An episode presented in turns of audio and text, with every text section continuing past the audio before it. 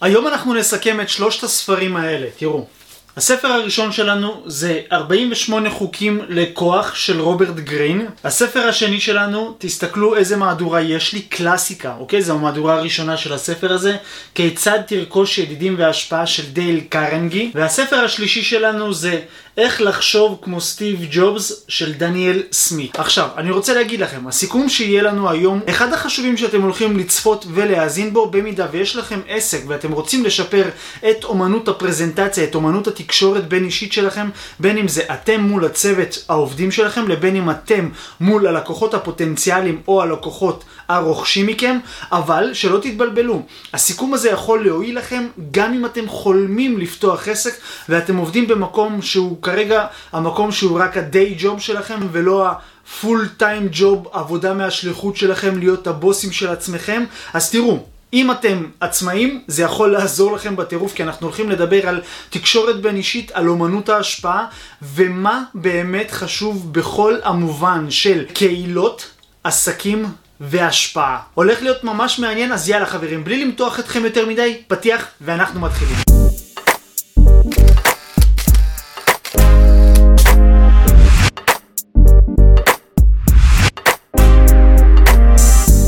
מה קורה חברים? כאן איתכם רפאל יגודב מערוץ היוטיוב מועדון סיכומי הספרים. והסיכום שלנו היום, שימו לב, אתם בחרתם אותו. אתם זוכרים שמדי שבוע אני מעלה סקר בכל הפלטפורמות שאני נמצא בהן במועדון סיכומי הספרים. בין אם זה ביוטיוב, בטיק טוק, באינסטגרם, בפייסבוק, בקהילת פייסבוק, בקבוצות הוואטסאפ של מועדון סיכומי הספרים, הצ'אט.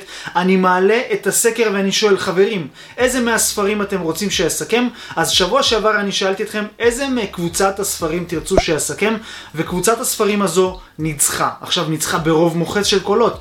אז אתם בחרתם, אני עושה, יאללה. אז בואו תראו, היום אנחנו נדבר על הספרים האלה, ואני בחרתי לקחת את כל הקונספט של הספרים האלה לעולם של תקשורת בין אישית, לעולם של השפעה, לעולם של שכנוע, ותראו, זה דבר מאוד חשוב, אני רוצה להגיד לכם דבר מאוד מעניין. כל מה שאמרתי עכשיו, השפעה, שכנוע ותקשורת בין אישית, כשאנחנו לוקחים את זה והופכים את זה לפן העסקי, או למי שרוצה לפתוח עסק, צריך להבין שכל מה שציינתי עכשיו, את כל המיומנויות וההכשרות האלה, בעצם כשאנחנו משתמשים בהם באופן מאוד טוב, אנחנו יכולים לבנות קהילה. עכשיו, כשאני אומר קהילה זה לא מה שאתם שומעים במדיה החברתית, תבנה קהילה זה מאוד חשוב. כשאני אומר קהילה אני מתכוון לקהילת מעריצים. עכשיו, מה ההבדל בין קהילה רגילה לקהילת מעריצים?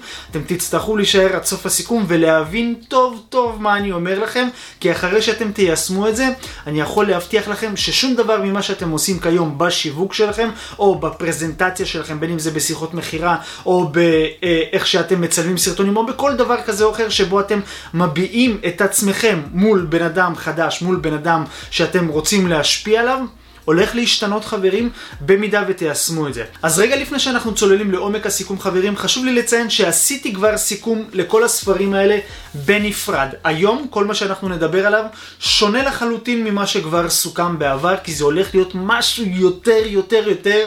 מעניין. אז רגע לפני שאנחנו מתחילים חברים, יש לי משהו מאוד חשוב להגיד לכם. אם אתם חדשים בערוץ הזה, וזו פעם ראשונה שאתם נחשפים אליי ורואים את כל הטירוף שהולך כאן של סיכומי הספרים, נעים מאוד חברים, כאן איתכם רפאל יגודאי, ואת כל מה שאתם רואים כאן, כל קהילת מועדון סיכומי הספרים, הקמתי במטרה אחת, לשתף ולחלוק איתכם את התובנות שלי, וזה מה שאני עושה עד היום. כל הסרטונים שאתם רואים כאן בערוץ הזה, וכל הקהילות שאני נמצא בהם, במיוחד בשביל לשתף את התובנות האלה, ואם אתם רואים לנכון שאתם אוהבים סיכומי ספרים על התפתחות אישית, התפתחות עסקית, הצלחה עסקית וכן הלאה וכן הלאה, חברים, כל מה שאתם צריכים לעשות כדי לא לפספס את הסרטון הבא שיעלה זה ללחוץ על הפעמון, לעשות לייק וכמובן שב subscribe, כי אל תפספסו את הפרק הבא, כי אני בטוח שהוא גם יפיל לכם אסימונים, כמו שהפרק הזה הולך לעזור לכם לשפר את התקשורת בין אישית שלכם ואת אומנות השכנוע שלכם. דבר נוסף שסופר חשוב לי להגיד חברים, הסרטון שלנו היום בחסות הוצאת ספרים ספרי ניב. אז יאללה, בואו נתחיל. טוב, אז הספר הראשון שאנחנו נסכם יהיה 48 חוקים של כוח. ספר מאוד עוצמתי חברים למי שבוחר לקחת אחריות על החיים שלו ולהוביל ולהשפיע ולהיות מאוד דומיננטי במדיה החברתית. אני כרגע מדבר על עולם העסקים, כל מי שרוצה לבלוט במדיה החברתית ממליץ לו ליישם את התובנה הזו כי זה הולך לשנות לו את כל הנראות הדיגיטלית שלו שזה המיתוג חברים, אז בואו תראו את התובנה הראשונה. טוב, אז התובנה הראשונה היא מעמוד 77, קוראים לחוק הזה, החזיקו אנשים במתח, צרו אווירה שבה אתם לא צפויים. עכשיו למה הוא אומר את זה? שימו לב. אנשים מנסים תמיד לקרוא את המניעים שמאחורי מעשיכם. ולהשתמש נגדכם בעובדה שמעשיכם צפויים. נקטו צעד לחלוטין לא מובן וכך הם ייאלצו לעבור למגננה.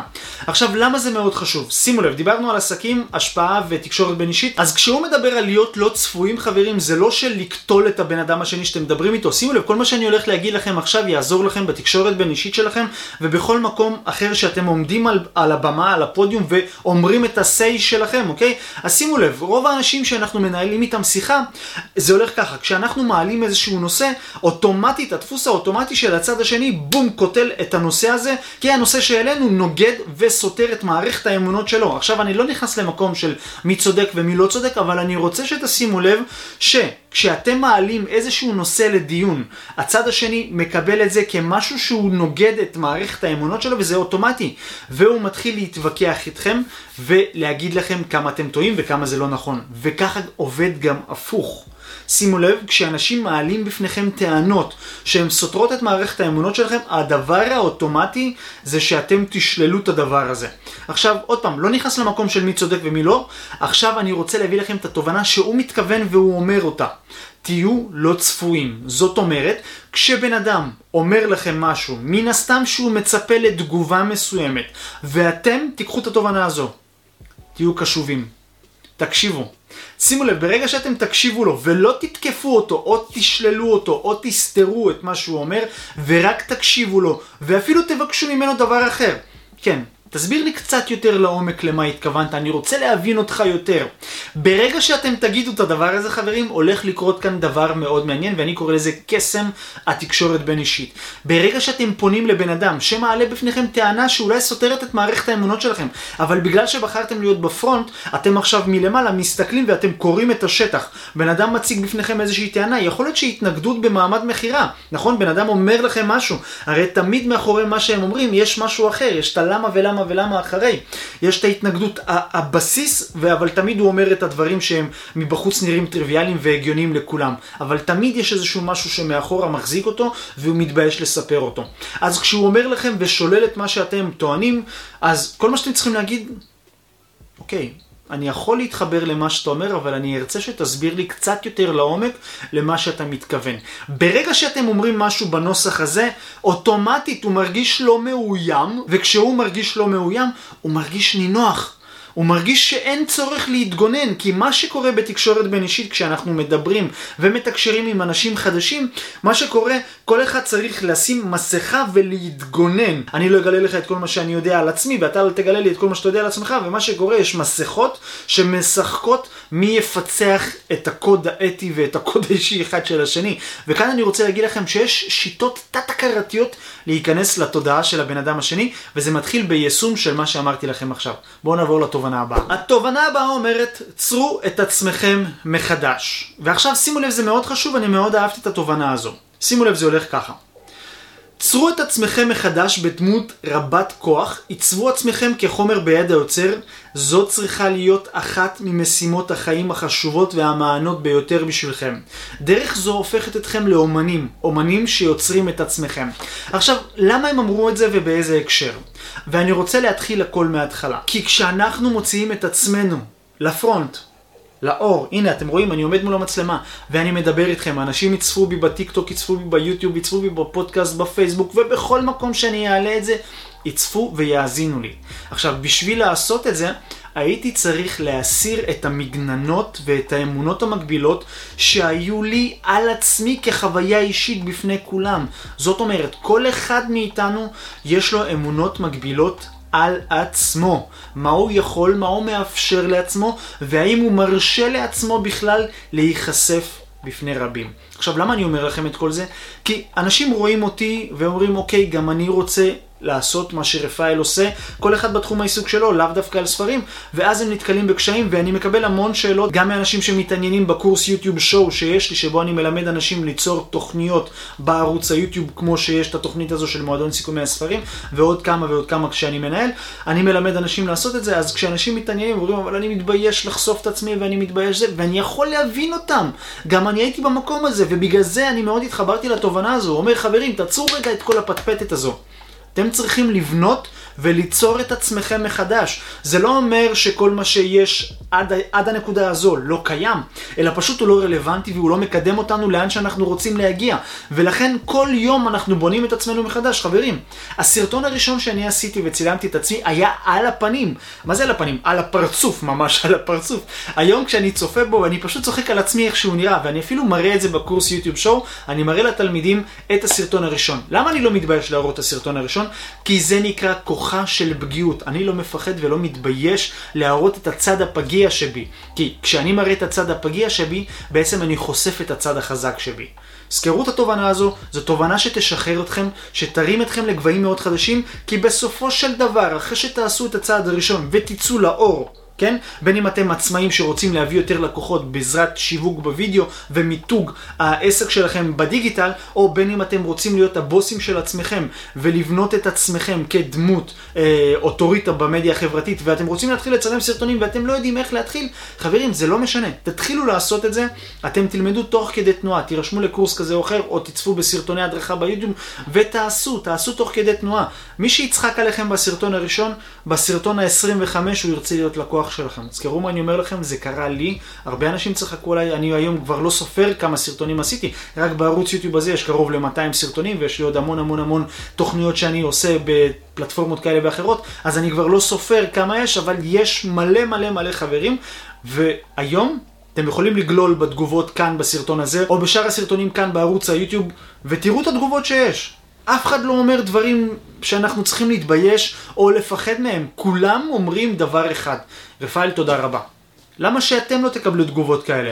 אז קדימה, אל תתביישו, אל תפחדו, תנו לעצמכם בעיטה בטוסיק ותתחילו לעשות. טוב, אז עד לכאן היו שני התובנות שלנו מתוך הספר 48 חוקים של כוח. אני מאוד ממליץ לכם ליישם את זה חברים, כי זה ישנה לכם כל צעד שאתם עושים, בין אם זה בעסק שלכם או בין אם זה להקים את העסק שלכם. תקשיבו לי, תיישמו את זה ותראו שינוי. בואו נעבור לספר הבא. טוב, הספר הבא שלנו זה כיצד תרכוש ידידים והשפעה. שימו לב, זו המהדורה הראשונה של הספר. יש לספר הזה מהדורה יותר חדשה שהיא נקראת כיצד תרכוש ידידים והשפעה בעידן הדיגיטלי, וזו המהדורה הישנה. יש לזה אפילו ריח. של ספרים שהיו בספרייה הרבה זמן, אבל uh, אני רוצה לחלוק איתכם כאן שני תובנות מאוד מעניינות, שבמידה וגם אותם, אם תחליטו ליישם, אתם תראו תוצאות. כמובן שכל ספר בפני עצמו, אם תיישמו משהו מתוכו, אתם תראו תוצאות, אבל אם תיקחו את שלושת הספרים האלה, ותעתיקו את התובנות האלה, ותסכמו אותם, ותיישמו אותם, אתם תראו את התוצאה הגדולה. שאני מנסה להוביל אתכם לראות בעסק שלכם. בואו נתחיל. טוב, תראו, אז uh, התובנה הראשונה היא כזו, וזו הכותרת. הסוד הגדול של התקשורת עם בני אדם היא להתייחס אליהם. ושימו לב למה הוא מתכוון. יש כאן איזשהו מחקר שהוא מראה של זיגמון פרויד, כן? והוא אומר, הדחף העמוק ביותר בטבע האדם הוא התשוקה להיות חשוב. למה זה מאוד חשוב להבין בעידן שאנחנו נמצאים כיום, להיות אוטוריטה או לבנות עסק שהוא מבוסס על הדיגיטל? שימו לב, כל האנשים רוצים להיות חשובים. ולמה זה מאוד חשוב שתבינו את הנקודה הזו? כי כשאנחנו באים, מדברים עם בן אדם, אנחנו כמובן, גם הוא מציין את זה בספר, אנחנו יכולים לשכנע מישהו להביא לנו את השעון בעזרת זה שאנחנו נאיים עליו ונגיד אם לא תביא אנחנו נכה אותך. אבל אם אנחנו רוצים להשפיע על אנשים, כל מה שאנחנו צריכים להבין זה להיכנס לראש שלהם ולהבין שהדבר היחיד שהם רוצים זה להרגיש חשובים. עכשיו, להרגיש חשובים בהקשר למה ובאיזה אופן, בואו תראו למה הוא מתכוון. הם מתכוונים לבריאות וחיים. אוקיי? להרגיש חשובים בהיבט של מזון, בהיבט של שינה, כסף, וכל מה שניתן לרכוש בכסף, חיים, בעולם הבא. בכל המובנים האלה, שימו לב, בסיפוק מיני, רווחה לילדינו, תחושת חשיבות, כל אלה הם התחושות שאנשים רוצים להרגיש בהם חשובים, בין אם זה בכולם או בין אם זה באחד. עכשיו, למה זה מאוד חשוב? כי אם המודעות שלנו, או התקשורת שלנו, או המצגות שלנו, הפרזנטציות שלנו, יצאו מנקודת הנחה שאנחנו מדברים מתוך החשיבה שאנחנו כאן לגרום להם להרגיש חשובים ולגרום להם ליצור את ההצלחות שהם רוצים לעשות בחיים, כמובן לא לשקר, כן? ולגרום להם לעשות את ההצלחות שהם רוצים להשיג בחיים, מן הסתם שזה נקרא לשכנע באופן תת-הכרתי, וזה לא נקרא מניפולציה, כי בהתחלה הבאתי לכם את הדוגמה שאנחנו יכולים לשכנע מישהו להביא לנו את השעון, כמו שהוא ציין כאן בספר, בעזרת זה שנאיים עליו, אם לא תביא לנו אנחנו נרביץ לך. אבל כאן הוא אומר, חברים, אנשים רוצים להרגיש חשובים. אם אנחנו יוצאים מנקודת הנחה ומדברים, והמסרים השיווקיים שלנו, וכל מה שאנחנו עולים על הבמה ומציגים את עצמנו בפני האנשים, בין אם זה בסרטונים או בין אם זה בהרצאות, סדנאות וכן הלאה, אנחנו מדברים מתוך הנחת יסוד שהם רוצים להרגיש חשובים בהיבט של מה קהל היעד שלנו ומה חשוב לו באמת להשיג, אז אנחנו יכולים באמת לשכנע אותם, כי זה הרצון העמוק שלהם, הרצון הבוער שלהם. אז אם אנחנו נותנים להם את הפתרון הזה, למה שהם לא יצטרפו אלינו? תחשבו על הנקודה הזו, כי זה הולך לשנות לכם את כל מה שאתם עושים בעסק, ואם אתם רוצים להקים עסק, קחו את הדבר הזה ותחשבו עליו שוב. אני ממליץ לכם אפילו להאזין לו ולצפות בו עוד הפעם, ולהעמיק בו אפילו. יאללה, בואו נעבור לתובנה הבאה. טוב, התובנה הבאה מדברת כיצד לדרבן בני אדם להצלחה. עכשיו שימו לב, אנחנו, נכון? אנחנו לא אוהבים שנותנים לנו פקודות, לא אוהבים שקובעים לנו, זה לא משנה אם אנחנו עצמאים או שכירים. תדמיינו לכם את הסיטואציה הבאה, אתם בעלי עסק, כן? אתם נותנים שירותי דיגיטל. בא אליכם לקוח ואומר, אתה חייב לי ואתה תעשה לי ואתה תעשה לי, איך תרגישו מבחינה, עזבו רגע איך תגיבו, איך תרגישו מבפנים, מה השיח שיתנהל לכם מבפנים. וזה תקף גם לזה אם אתם שכירים, יבוא אליכם המעסיק שלכם, יגיד לכם, אתה חייב לעשות ככה ואתה חייב, וינזוף בכם וידרוש מכם, איך תרגישו בחוויה האישית שלכם, בלי רגע לחשוב על איך תגיבו, איך תרגישו. ולמה אני אומר לכם את זה? כי כאן בספר הוא אומר כיצד לדרבן בני אדם להצלחה, וזה מתחיל מנקודת ההנחה שאנחנו לא צריכים לקבוע עליהם. ושימו לב, יש כאן איזושהי דוגמה שהם ניסו אותה באיזשהו מחקר בבתי כלא, שבהם המפקד של בית הסוהר בעצם במקום לצעוק ולנזוף ולהלקות את האסירים, הוא פשוט החמיא להם על מה שהם עשו, כמובן על הדברים הטובים, לא על הדברים הרעים, והוא ראה שיפור בהתנהגות של כל האסירים בכלא. עכשיו, שימו לב למה שהוא אומר, אני מרקרתי לי כאן, אני רוצה להקריא לכם. שבחו כל שיפור, גם הקל שבקלים. הביעו את שביעות רצונכם בלבביות ויהיו פזרנים בדברי שבח שלכם. זאת אומרת, במילים שלנו, תחמיאו לאנשים. עכשיו שאני אומר להחמיא, זה לא אומר להיות ציני ולהגיד, אה, כל הכבוד ויפה ויפה וכל השיח הזה שגורם להם להתרחק ולא להאמין למה שאנחנו אומרים. אלא פשוט כשהם עושים משהו שמצא חן בעיניכם ומשהו שאתם מעריכים ואוהבים, באמת, אל תגידו רק תודה. ועכשיו אני נכנס לקטע של הדיגיטל. כל מי שמתכתב איתי כאן ביוטיוב, שם לב שאני לא רק אומר לכם תודה. שם לב שאני לא רק נותן לכם אימוג'י של סמיילי מחייך או לב או תודה רבה כזה, אלא אני מעמיק איתכם בשיחה, ואם צריך לפרגן בהקשר למה שדיברנו, אז אני מפרגן, אני תמיד מפרגן, גם בוואטסאפ שמדברים איתי. אם אני מוצא לנכון לפרגן לאותו מקום, אני מרחיב, אני לא כותב רק תודה רבה, איזה כיף שאתה צופה. אני מרחיב ומעמיק, מנסה לפתח שיחה, וזה לא בא ממקום של יאללה הנה קראתי בספר וסבבה, אלא באמת קראתי בספר, הבנתי את. הנקודה הזו, ואמרתי, וואו, יש כאן משהו מאוד חשוב, למה לי לא ליישם את זה? וכאן אני רוצה להגיד גם לכם, אם אנשים מגיבים לכם, במקום להגיד רק תודה, ואוי, בכיף, בכיף, אני שמח שמאוד אהבת, תרחיבו. תעמיקו את זה, ואני רוצה לתת לכם גם טיפ קצת מעבר לספר הזה. אפילו גרי וינרצ'ה, גרי וי, כן? האיש, הגורו של המדיה הדיגיטלית, אני קורא לו, הגורו של השיווק. בספר שלו, המדיה החברתית, אומר דבר מאוד חשוב. ואני עשיתי את זה גם בתחילת הדרך שפתחתי את האינסטגרם. הוא אומר ככה, כנסו לפרופילים של אנשים שאתם באמת מעריכים ואוהבים את התוכן שלהם, ותפרגנו להם. כל יום תמצאו לפחות ארבעה אנשים כאלה, ותכתבו להם תגובות ממש לבביות. עכשיו, למה זה מאוד חשוב, ובמיוחד בעידן הדיגיטלי? כי כשאתם כותבים תגובה לבבית, כל הקהל רגיל לקבל תגובות רדודות של תודה, אני מעריך את זה, וסמיילי, או כזה, אמוג'י הזה, וזהו. אבל אם אתם כותבים שם פרגון אמיתי של איזה 6, 7, 8, 10 שורות, הבן אדם אומר, what the fuck, מה זה הדבר הזה? מי זה הבן אדם הזה? אני חייב להיכנס לפרופיל שלו לראות במה מדובר. אז ככה אתם גם מקבלים מישהו שנכנס לפרופיל שלכם וגם יגיב לכם בהתאם. אתם מצליחים להבין את הקטע, אתם משנים את השיח, אבל זה תלוי בכם. אז תראו, עד לכאן היה תובנות מתוך הספר כיצד תרכוש ידידים והשפעה של דל קרנגי. אז כמו שסיפרתי לכם שאני יישמתי את התובנה הזו מתוך הספר, אני מאוד ממליץ לכם גם ליישם את כל מה שנאמר כאן. כל מה שאתם רואים לנכון ואתם אומרים, וואו, זה כל כך מעניין וגאוני מה שהוא אומר כאן מתוך הספר, אני חייב ליישם את זה. תעשו את זה חברים.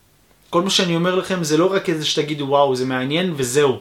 אני רוצה שתיישמו כי ברגע שאתם מיישמים זה הדבר השונה מתיאוריה. תיאוריה אני רק מעביר לכם את המסר ואתם מאזינים אומרים וואו איזה כיף וזהו. אבל כשאתם מיישמים בעצם כל יישום שלכם זה כמו לדווש באופניים. כל דיווש מביא אתכם עוד מטר קדימה ועוד מטר קדימה. כך כל יישום ייקח אתכם עוד step למעלה, עוד step למעלה ועוד צעד למעלה עד שתגיעו לאן שאתם צריכים להגיע. עכשיו תשאלו את עצמכם לאן אתם רוצים להגיע, אז יאללה, תתחילו ליישם את התובנות ובואו נעבור לספר הבא. טוב, הספר הבא שלנו זה איך לחשוב כמו סטיב ג'ובס. עכשיו אני רוצה לשאול אתכם שאלה. הייתם רוצים לחשוב כמו סטיב ג'ובס, ותכתבו לי כאן בתגובות, כן? בואו נתחיל בתובנה הראשונה. טוב, תראו, התובנה הזו הולכת לשנות לכם את כל התפיסה לגבי מה שאתם יודעים וחווים ככישלון בחיים שלכם, או בזבוז זמן וכסף. שימו לב, זו תובנה של סטיב ג'ובס, ואני מאוד אהבתי את זה כי אני באמת גם משתמש בשיטה הזו. שימו לב, השתמש בחוויות החיים שלך. עכשיו שימו לב למה אני אומר לכם את זה וזה מאוד מעניין. מדובר על סטיב ג'ובס שהוא פרש מהלימודים אבל הוא היה מגיע לשיעורים שמאוד אהב. הוא היה הולך לשיעורים בקורס uh, הקליגרפיה, אוקיי? אם אני לא טועה, תקנו אותי אם אני טועה, אני לא בדיוק יודע איך להגיד את זה. הוא היה הולך לשיעור הזה וזה הקורס היחיד שהוא היה הולך אליו. אז בדיעבד הוא היה מסתכל על כל חוויית הלימודים שלו ואומר בזבוז זמן, כן? יכלתי לעשות הרבה דברים אחרים, אבל רוב האנשים שמסתכלים על החיים שלהם אומרים למדתי נדל"ן, אני לא משתמש בזה, או למדתי NLP, אני לא משתמש בזה, למדתי אימוני כושר, אני לא משתמש בזה, כיום אני ארבע שנים אחרי, אני לא מאמן, אני לא מטפל, אני לא יועץ, אני לא כלום וכלום וכלום וכלום, חבל שהלכתי לשם. ואני רוצה לחדש לכם ולהביא לכם זווית ראייה חדשה, וגם בהקשר למה שסטיב ג'ובס אמר, שימו לב, כשהשתתף בקורס הקליגרפיה, הוא לא ממש ראה איך זה ישפיע על עתידו. אבל בסופו של דבר הוא השתמש בידע שרכש שם שנים אחר כך. בעיצוב תוכנת המק של אפל. שימו לב, שנים אחרי שהוא השתתף בקורס הזה של הקליגרפיה, הוא השתמש באותו חומר שהוא למד כדי לעצב את המק של אפל. עכשיו, למה זה מאוד חשוב ואיך זה עזר? כי הוא יכל לעשות את כל מה שהוא רצה עם המחשבים כמו שאר האנשים, או כמו כולם, או כמו כל מי שרצה לעשות, להיות מאוד בנאלי. אבל זה מה שעזר לו לייחד את אפל. זה מה שעזר לו לייחד את המחשבים ואת שאר המוצרים. אם תסתכלו על העיצוב שלהם, על האריזה עצמה, על כל ההתנהלות המיתוגית שלהם, היא שונה לחלוטין מכל מה שאנחנו רואים בשוק, נכון? וזה מה שעזר לו. אז כשאתם מסתכלים אחורנית בזמן ואומרים חבל שהייתי בקורס הזה, אני רוצה שתחשבו איזה מין החומר הנלמד שם אתם יכולים לקחת וליישם בחיים ביום יום שלכם. ואני אתן לכם את הדוגמה עליי. אני למדתי NLP, therapist ו coaching, נכון? אני כיום לא מטפל לא ב-NLP ולא מאמן בקואוצ'ינג, אבל מה? רוב האנשים שלומדים NLP הם אומרים, טוב, יש לי את ההכשרה של NLP, אני אעשה אותה רק בקליניקה.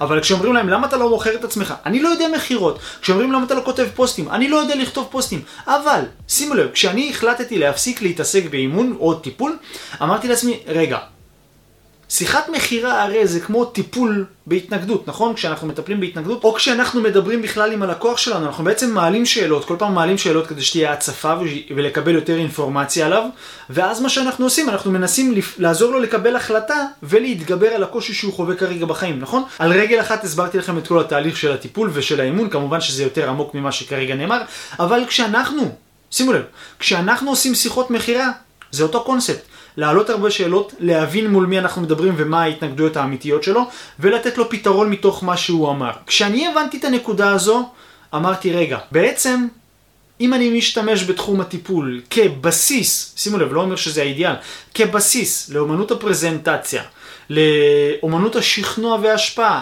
לדרך שלי לדבר בסרטונים, או בשיחות מכירה, או בכל מקום כזה או אחר, כי כבר יש לי את הבסיס, שהבסיס הוא באמת, כמו שבטיפול ובאימון אנחנו עושים ועוזרים לאנשים, הבסיס קיים, כל מה שצריך לעשות זה להזיז את מה שלא עובד ולהכניס דברים חדשים, כלים חדשים כל פעם ולשפר ולחדד, וכמובן להיות אומן בשאלת שאלות. אבל הבסיס קיים, וזה מה שאני רוצה להגיד לכם. תסתכלו אחורה ותגידו, אוקיי, הבסיס של משהו כבר קיים, איך אני יכול לייעל את זה בחיים שלי כיום? זו תובנה שתשנה לכם את החיים. בואו נעבור לתובנה הבאה. זה נקרא, טפח את המותג שלך. ועכשיו אני רוצה להקריא לכם למה סטיב ג'ובס התכוון. מלכתחילה הכיר ג'ובס בחשיבותה של בניית הזהות של אפל. שימו לב למילה הזו זהות, אוקיי? זהות של המותג שהוא אפל. הוא האמין שהעסק לא צריך רק להציג את מוצריו, אלא גם למכור רעיונות, שאיפות, חלומות, אנחנו נדבר על זה תכף. כמעט לכל מוצר יש חיי מדף. הוא הבין את הנקודה הזו שכל מוצר יכול להיות פסה ביום מן הימים, אך לא ליחסים בין החברה ללקוחותיה. היחסים, שימו לב, חשוב שתזכרו, שדבר רגשי הוא אינדיבידואלי מאדם לאדם, זה לא דבר שהוא חד צדדי. כל בן אדם מרגיש בצורה שונה את כל החוויה שאנחנו יוצרים לו. שימו לב, זה דבר שסטיב ג'ובס הבין אותו. עכשיו, היחסים בין חברה ללקוחותיה הם תמיד יותר עמוקים ממה שיש לנו כלפי מוצר, אוקיי? כי מוצר בשלב מסוים יכול כבר להפסיק לשרת אותנו, כי אולי התבגרנו, אולי כבר אנחנו לא רוצים אותו כי אה, מיצינו, אבל היחסים הם נשארים לעד, בין אם הם טובים לבין אם רעים. שימו לב מה הוא עוד אומר. כל עוד הלקוחות מאמינים שהם יכולים לצפות למשהו מיוחד ושהחברה תמשיך לספק להם, היחסים יישמרו. עכשיו, איך אנחנו יכולים להבטיח להם שהדבר הזה יקרה. שימו לב אם אנחנו חוזרים לסיטואציה של סטיב ג'ובס, מה שהוא אמר, הוא לא אמר הנה אפל, הנה האייפון בואו תקנו אותו. הוא אמר החזון שלי הוא שלכל אחד יהיה כך וכך וכך. זאת אומרת, סביב הרעיון הזה המטרה הייתה לבנות קהילה. וזה מה שאמרתי לכם גם מהכותרת של הסרטון הזה. קהילה זה לא רק פתחתי קבוצת פייסבוק או פתחתי ערוץ יוטיוב, קהילה זה לטפח את הרעיון ואת החזון המשותף של אותם האנשים שצופים בכם. אז אם מגיבים לכם אנשים, תחשבו איך אתם לוקחים את כל המערכת הזו והופכים את זה לאנשים שלא רק מגיבים לכם, אלא אנשים שעוקבים ומחכים לתוכן שלכם. כי כשזה יקרה יהיה מצב של ווין ווין. זאת אומרת, אתם תיתנו לאותה קהילת מעריצים את התוכן או את המוצר שהם כל כך רוצים, כי הם בטוחים שזה הפתרון לבעיה שהם חווים כרגע בחיים, והם ירוויחו את פתרון הבעיה, זאת אומרת, את הקיצור דרך שיצרתם, דרך השירות שלכם, דרך המוצר שלכם, או דרך התוכן שאתם יוצרים. שימו לב, הדבר הזה מאוד חשוב, כי ככה בעצם יוצרים קהילת מעריצים ולא רק קהילה. אוקיי, אז שוב אני אחזור, קהילה זה לא רק לפתוח קבוצת פייסבוק ולחכות ל-4-5 תגובות ולהעלות 4 פוסטים ביום. קהילת מעריצים זה הדבר החם. ואם אתם שואלים אותי על המסע שלי כאן עם מועדון סיכומי הספרים, אני רוצה להגיד לכם שקהילת מעריצים זה אחד הדברים הכי חשובים, וחבל לי שלא מלמדים את זה. ולכן אני בחרתי ללמד את זה גם בקורס יוטיוב שואו שאני מלמד. אוקיי? אם אתם רוצים להתחיל ליצור תוכן ליוטיוב ולהפוך לאוטוריטה בתחומכם, בין אם אתם מטפלים, מאמנים, יועצים, וכל תחום אחר שבו יש לכם ערך ושליחות לבשר לעולם הזה, חברים, פיתחתי ובניתי את הקורס הזה מתוך הצורך האישי שלי להשפיע ולהיות מי שאני עבורכם כיום חברים. בין אם זה כאן ביוטיוב וזה יתגלגל לעוד המון המון המון מקומות ומי שעוקב אחריי יודע מה קורה לנו בקהילות הפנימיות שגם את זה אני מלמד בקורס ואיך אנחנו בעצם ממשיכים להשפיע גם מעבר לערוץ היוטיוב שממנו הכל מתחיל. אז אם אתם רוצים להתחיל ליצור סרטונים, לעמוד מול מצלמה, לדעת איך לדבר, להשפיע ולשכנע בעזרת סרטוני תוכן איכותיים, ממש כמו שאתם רואים כאן עכשיו חברים, ולמצוא קונספט כמובן לערוץ שלכם ולדעת איך לעשות את כל האנליטיקה, את כל העיצובים, פתיחת ערוץ וכן הלאה וכן הלאה, יש המון המון המון דברים מסביב חברים. תכתבו לי כאן בתגובות אם אתם בעניין, קוראים לקורס יוטיוב שואו, ברגע שתכתבו לי יוטיוב שואו, שזה תוכנית יוטיוב, תוכנית בערוץ היוטיוב. אני אשלח לכם את כל הפרטים ונדבר על זה חברים. אז בואו נסגור רגע את כל הסיכום שהיה לנו. אז היום דיברנו על שלושת הספרים האלה. הספר הראשון היה 48 חוקים לכוח, הספר השני היה כיצד תרכוש ידידים והשפעה, והספר השלישי היה איך לחשוב כמו סטיב ג'ובס. אני רוצה להגיד לכם שאני מאוד נהניתי מהסיכום הזה. עוד פעם, הסקר שלנו דחף אותי לצלול עוד פעם בספרים האלה ולהביא לכם תוכן חדש יותר ממה שצילמתי בסיכומים הקודמים. אז אני מאוד נהניתי מהחפירה החדשה שעשיתי לספרים האלה. אגב, העליתי סקר חדש, אוקיי? הסקר נמצא כבר בערוץ היוטיוב, הסקר נמצא בקבוצות הוואטסאפ, בפייסבוק, בטיק טוק, באינסטגרם. לכו, תצביעו ותבחרו את הספרים הבאים שאתם רוצים שנסכם. משהו מאוד מעניין קורה כאן חברים, ויש שם ספרים מאוד מעניינים, בין אם זה להגשמה עצמית ותת מודע, לבין אם זה סוגיית הכסף ותת מודע. מה אתם אומרים? כנסו, תשפיעו, תצביעו, וכמובן תכתבו לי כאן בתגובות מה אתם חושבים על הסיכום, איזה תובנות אתם עומדים ליישם, לקחת מכאן. יאללה, אני מת לדבר איתכם ולשאול כבר מה למדתם ואתם מתכוונים ליישם. יאללה חברים, כאן איתכם רפאל יגודאי מערוץ היוטיוב מועדון סיכומי הספרים, ואנחנו נתראה בסרטון הבא. להתראות.